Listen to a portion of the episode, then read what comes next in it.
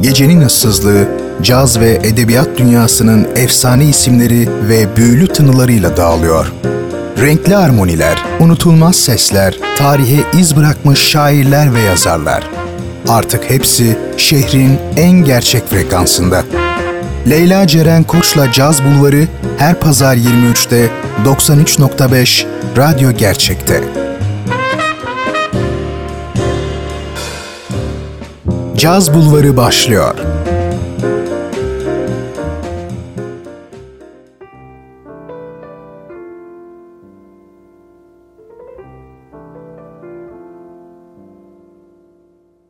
Şehrin tek gerçek caz sever adresi 93.5 frekansından ve Caz Bulvarı'ndan herkese merhaba sevgili dinleyenler.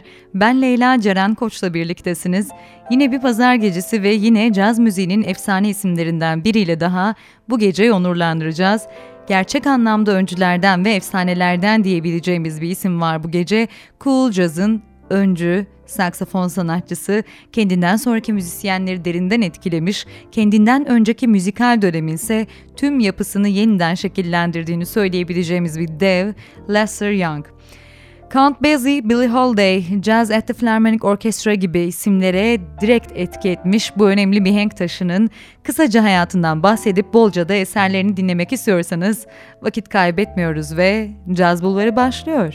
Hoş geldiniz.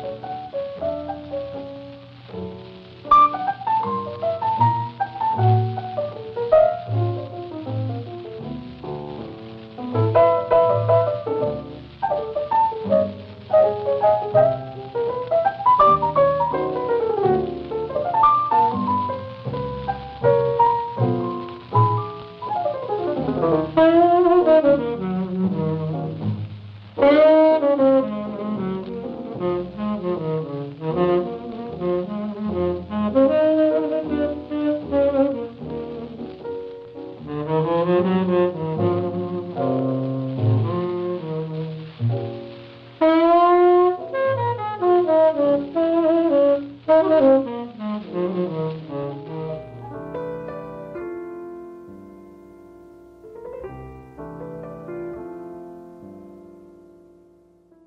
Lester'ın en büyük olduğunu her zaman biliyordum. Tabii kendisine verilecek ad da en büyüğü olmalıydı. Bu ülkede krallar, kontlar ve dükler hiçbir yere ulaşamıyorlar. O zamanki en büyük adam Franklin Roosevelt'ti ve kendisi başkandı. President. Böylece ben de Lester'ı President diye çağırmaya başladım. Sonraları bu Prez olarak kısaltıldı. Bu cümlelerin sahibi Lester Young'la uzun süreler çalışmış ve aralarında platonik duygular yaşanan Billie Holiday'e ait. Evet cazın bu dev ismi, saksafonun büyüsüne bizi kaptıran isim Lester Young. Caz tarihçisi ve eleştirmen Marshall Stearns, Lester Young'ı cazın ünlü Fransız ressamı Cézanne'i tanımladı. Ee, benzediği yönünde 27 Ağustos 1909'da doğuyor Lester Young, Woodville, Mississippi'de. Annesi ise Lisetta Young ve babası Louisiana'dan Willis Handy Young. Lester'ın iki de kardeşi var. Biri davulcu olan kardeşi Leonidas Raymond, Leo diye de söylüyor. Bir de Irma Cornelia. Müzikal bir aile diyebileceğimiz bir ailede büyüyen Lester'ın babası ise bir öğretmen ve aynı zamanda da grup lideri, band lideri ve akrabaları da profesyonel olarak yine müzikle ilgilenen insanlar. Çocukluğundan itibaren hayatını kazanmaya ve çalışmaya başlayan Lester, New Orleans'ta henüz 5 yaşındayken ailesine destek olmak için gazete satıp ayakkabı parlatıyormuş. 10 yaşına geldiğinde ise trompet, keman ve davulların e, enstrümanlarının temellerini öğrenmeye başlıyor ve Young Family Band ile karnavallarla tura çıkıyor. Güneybatıdaki şehirlerde çalıyorlar. Bu arada gençliği boyunca da babasıyla sık sık çatışan Lester'ın uzun süreler evden ayrıldığı da biliniyor. Aile grubuyla çıktıkları o karnaval dönemine aitse Lester aynen şöyle demiş. 13'üme kadar davul çaldım. Davulu toplamak ve taşımaktan gına geldiği için bıraktım. Hep kızlara bakmak isterdim şovdan sonra. Ama ben davulumu yerleştirene kadar hepsi gitmiş olurdu. 13 yaşında bir çocuğu düşününce bu anısını okuduğumda gerçekten buruk bir gülümseme oldu bende ne yalan söyleyeyim. Ve devamındaki yıllarda ise artık Lester'ın en dolu dizgin yılları başlıyor diyebiliriz. 1930-1950'li yıllar arası. Lester 18 yaşına geldiğinde Jim Crow yasalarının ve halka açık yerlerde ırk ayrımının etkin olduğu güney eyaletlerine gitmeyi reddederek bu aile grubundan ayrılmış ve 1933 senesinde Kansas City'ye yerleşerek Count Basie'nin grubuna katılmayı başarmış. Bu dönemini ise yine Lester'ın ağzından şekilde aktarabiliriz. Şöyle diyor, Count Basie'nin orkestrasını hep radyodan dinler ve bir tenor saksafoncuya ihtiyaçları olabileceğini düşünürdüm. Kansas City'de Reno Club'da çalıyorlardı. Hepsi çılgındı, bütün grup harikaydı. Şu tenor saksafoncu hariç zamanı geldi diye düşündüm ve Basie'ye bir telgraf çektim. Ama Basie tıpkı bir okul gibiydi. Okulda dersi bilen biri olarak hep uyuklardım ve başka da yapacak bir şey yoktur okullarda. Orada oturup parçaları durmadan baştan çalmak dışında yapacak bir şey yoktu. Sadece sandalye üstünde pinekleniyordu demiş. Bir süre Bessie ile çalıştıktan sonra 1934 senesinde ise Coleman Hawkins'in yerine Fletcher Henderson orkestrasına geçiş yapıyor Young ve o döneminde yine onun dilinden şöyle aktaralım çünkü çok kolay olmamış bu süreçte onun için aynen şöyle bir dönem geçirmiş. Bütün grup bana küfrediyordu. Hepsi Hawkins gibi çalmamı istiyordu. Oysa kendim gibi çalabilecekken ne diye bu isteği yerine getirecektim ki? Fletcher Henderson'ın karısı beni neredeyse delirtiyordu. Sabahın köründe uyandırıp bana Hawkins plakları çalıyordu ki onun gibi çalmayı öğreneyim diye. Ama ben kendim gibi çalmak istiyordum. Onu kırmamak için de sadece dinlemekle yetiniyordum diyor. Şimdi sevgili dinleyenler, Lester'ın Count Basil'i kayıtlarını dinleme zamanı bu durumda. Öncelikle Champagne at the Woodside 1938 senesine ait bir kayıt hemen ardından da Clap Hands gelecek bu daha ilk yıllardan.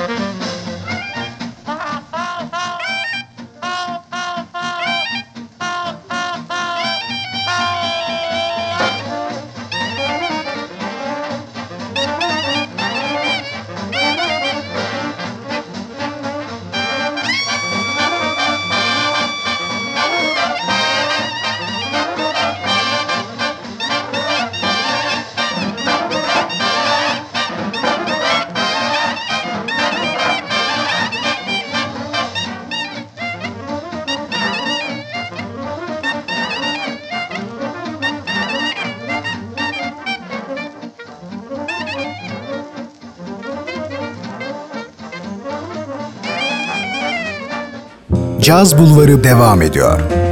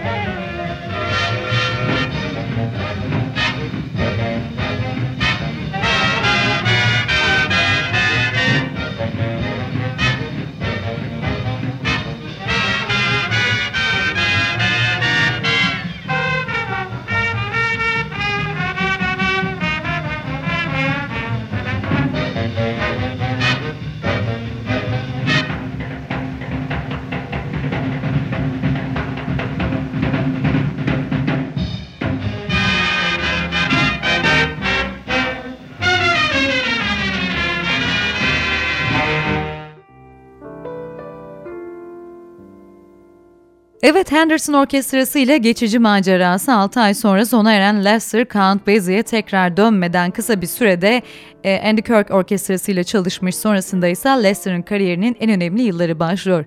Basie ile tekrar çalışmaya başladıkları dönemde Milt Gabler'ın Commodore Records'u adına The Kansas City Seven adı altında ve Buck Layton Dickie Wills, Bessie Young, Freddie Green, Rodney Richardson ve Joe Jones'tan oluşan bir grupla yaptığı kayıtlarda sanatçı hem tenor saksafon çal çalıyor hem de klarnet çalıyor. 1938-39 yılları arasında ise Billie Holiday ile çalışmaya başlayan sanatçı bu dönemlerde klarnet çalıyor. Onların ilk bir araya gelişleri ise şu şekilde 1930'lu yılların başlarına dayanıyor aslında. Harlem Jam Session'ında bir araya gelen iki sanatçı daha sonra Bessie'nin grubunda da çalmaya devam ediyorlar birlikte. Bir noktada ise Lester, Bill'in annesi Sadie ile birlikte evine taşınıyor. Ancak Holiday onların arasında var olduğu düşünülen ilişki için her zaman platonik bir ilişki olduğu konusunda da ısrar ediyor. Ve dediğim gibi programın başında da belirtmiştim, Prez lakabı da Billy'den Lester'a kalma. Tekrar Lester'ın Bessie ile başladığı ikinci dönemine dönelim. Perez'in müzikal kariyerinin zirvesi olarak tanımlanan bu dönemde Pork by Hot'la meşhur olmuş sanatçı, kendine has tarzı ve anlayışıyla hem meslektaşlarının hem de eleştirmenlerin büyük beğenisini topluyor bu dönemde. Ancak daha sonra talihsiz bir sürece giriyor Lester. Orkestrasında birlikte çaldığı bir tenor saksafon sanatçısı Herschel Evans'ı kaybediyor Lester. Ayrıca belirtelim Lester Evans'ı hem sever hem de hayranlık duyarmış. Bu acı olayın sonrasında ise alkol tüketimini kontrol edemeyen Lester aynı zamanda da grupta Evans'ın yerini doldurmaya çalışırken de kendi yolunu biraz kaybetmiş. Sonrasında da Bessie'nin grubundan ayrılıyor zaten. Ancak bu ayrılışla ilgili bir başka söylenti daha var. O da ilginç bir konu. Rivayete göre Lester'ın psişik ve kahinsel denilebilecek güçleri olduğu söyleniyor ve grupla yapacakları bir kayıt tarihinin batıl inançlarının hiçe sayılarak Cuma'nın 13'üne alınması üzerine Lester gruptan ayrılmış. Şahsen buna ben de pek ihtimal vermiyorum ki zaten Lester'ın yakın arkadaşı ve grubun davulcusu Joe Jones'a göre de sebep Evans'ın kaybıymış. Bessie'den ayrıldıktan sonra bir süre kardeşi Lee Young'ın da yer aldığı gruplarda çalıyor Young. 1940-41 yıllarında Billie Holiday ve 1942'de de Nat King Cole'la kayıtlar yapıyor. Şimdi bu noktada çok ilerlemeden sevgili caz severler tabii ki birkaç kayıt daha dinleyeceğiz. Öncelikle Nat King Cole'la yaptıkları, daha doğrusu Nat King Cole, Buddy Rich ve Lester Young'ın bir arada olduğu triodan I Covered the Waterfront ve hemen ardından da The Man I Love dinleyelim. Müzik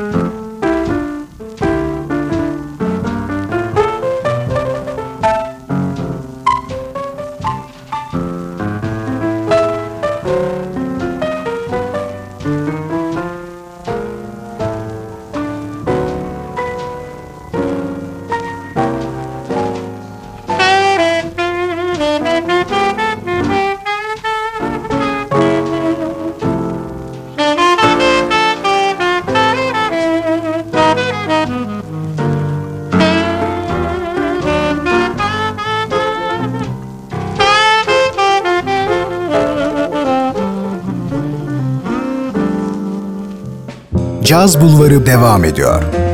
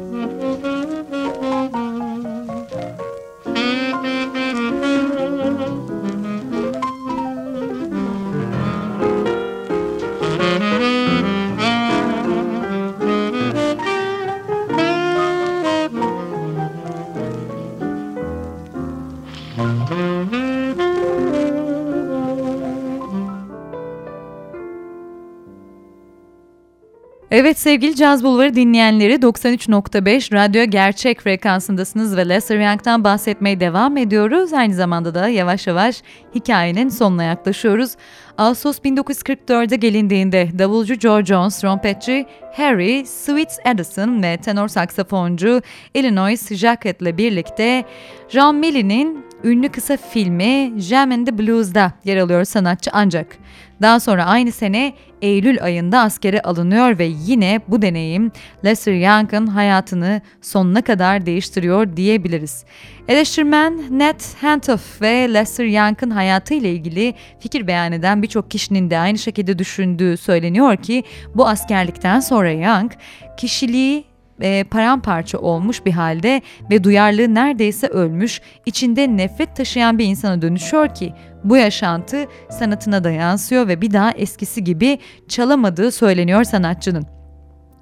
Gördüğü kötü muamele ve fiziksel eziyet sonucu hayatının geri kalan döneminde akli denge sorunları yaşadığı gerçeğinin yanı sıra yangın içini acıtan bir diğer durumda neredeyse bütün genç ve yetişkin tenor saksafoncuların kendisi gibi çaldığını görmesi oluyor.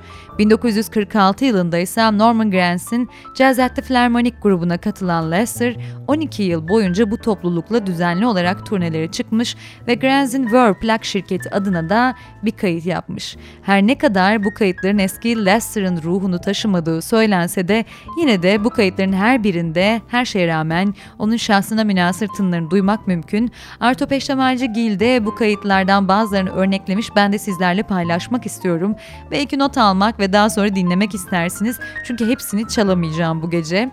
Ee, bir örnek şu, Charlie Parker ve Roy Eldridge ile birlikte yer aldığı 1949 Jazz at the Philharmonic konserinden Lester Leaps In parçasında attığı solo, sonra Teddy Wilson, Roy Eldridge, Vic Dickinson, Ginny Remy ve Joe Jones gibi büyük swing müzisyenleriyle birlikte 1956 yılında yaptığı Jazz Giants 56 ki ben programı buradan iki şarkıyla kapatacağım ve Prez and Teddy albümleri.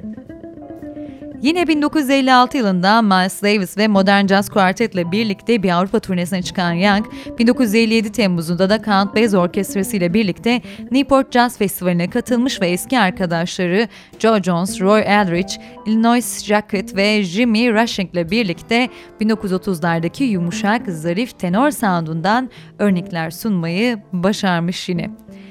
8 Aralık 1957'de ise Billie Holiday, Coleman Hawkins, Ben Webster, Roy Eldridge ve Gary Mulligan'la birlikte GBS televizyonunun e, The Sound of Jazz programına katılıyor Lester Young ve burada Holiday'e kendi parçaları olan Lady Sings the Blues ve Fine and Mellow şarkılarında da eşlik ediyor. Ancak tabii Lester'ın yaşantısı da kariyeri de ne yazık ki çöküşüne geçmiştir bu dönemde. Artık öyle ki bu TV kayıtlarında hastalığından kaynaklı da oturarak çalan tek kişi o oluyor ve ne yazık ki. İleri derecede alkolizm sonucu karaciğer hastalığı ve yetersiz beslenmeden kaynaklı yaşam standartı iyice düşmüş olan Lester, son stüdyo kayıtlarını ve canlı performansını da davulcu Kenny Clark'la birlikte Mart 1959'da Paris'te gerçekleştiriyor. Ancak New York'a döndükten bir gün sonra da hayatının son yıllarını geçirdiği müzisyenler kavşağındaki Broadway'deki 52. caddede Hotel Alvin'de yaşamını kaybediyor sanatçı. Bu arada Billie Holiday'in ona Prez lakabı takması gibi o da Holiday'e Lady Day lakabını vermiş kişi. Bu platonik, e, platonik aşık, e, aşklarından mıdır yoksa yani kader midir bilinmez ama Billie Holiday de Lester'ın ölümünden yaklaşık 4 ay sonra yaşamını yitirmiş. İşte caz müziğine kul kavramını armağan eden bu dahiyane saksafon sanatçısı Lester Young'ın da hayatı böyleydi sevgili dinleyenler. Ben şimdi programı onun birkaç kaydını üst üste çalarak kapatmak istiyorum dediğim gibi. Ee, ancak son olarak Amerikalı caz eleştirmeni ve müzik tarihçisi Ted Gioia'nın e, yazdığı son yazısında Lester'dan bahsederken nasıl bahsettiğini anlatmak istiyorum. Cazda cool tanımının 30'ların sonlarında ve 40'larda telaffuz edilmeye başlanan bir kavram olduğundan bahsediyor ve ekliyor. Lester'ın önemi onun e, daha geniş ve çağdaş kültüre etki eden bir müzisyen olmasında yatar. Bir dönem Amerikalıların nasıl giyindiğine, nasıl göründüğüne dair şekil veren idollerden biri olmasıdır. O dönem modernizmi aslında bizler bu hiç de geleneksel olmayan saksafoncuyla birlikte şekillendirmiş olduk diyor. Yani Lester'ın caza etkisi hayranlarının e, bildiğinden çok daha fazla. Evet sevgili Caz Bulvarı dinleyenleri, ben Leyla Ceren Koç'la birlikteydiniz. Lester Young'dan bahsettik ve artık programın sonundayız. Haftaya yepyeni efsanelerle buluşuncaya dek diyorum. Hafta boyunca cazla birlikte kalın. Hoşçakalın.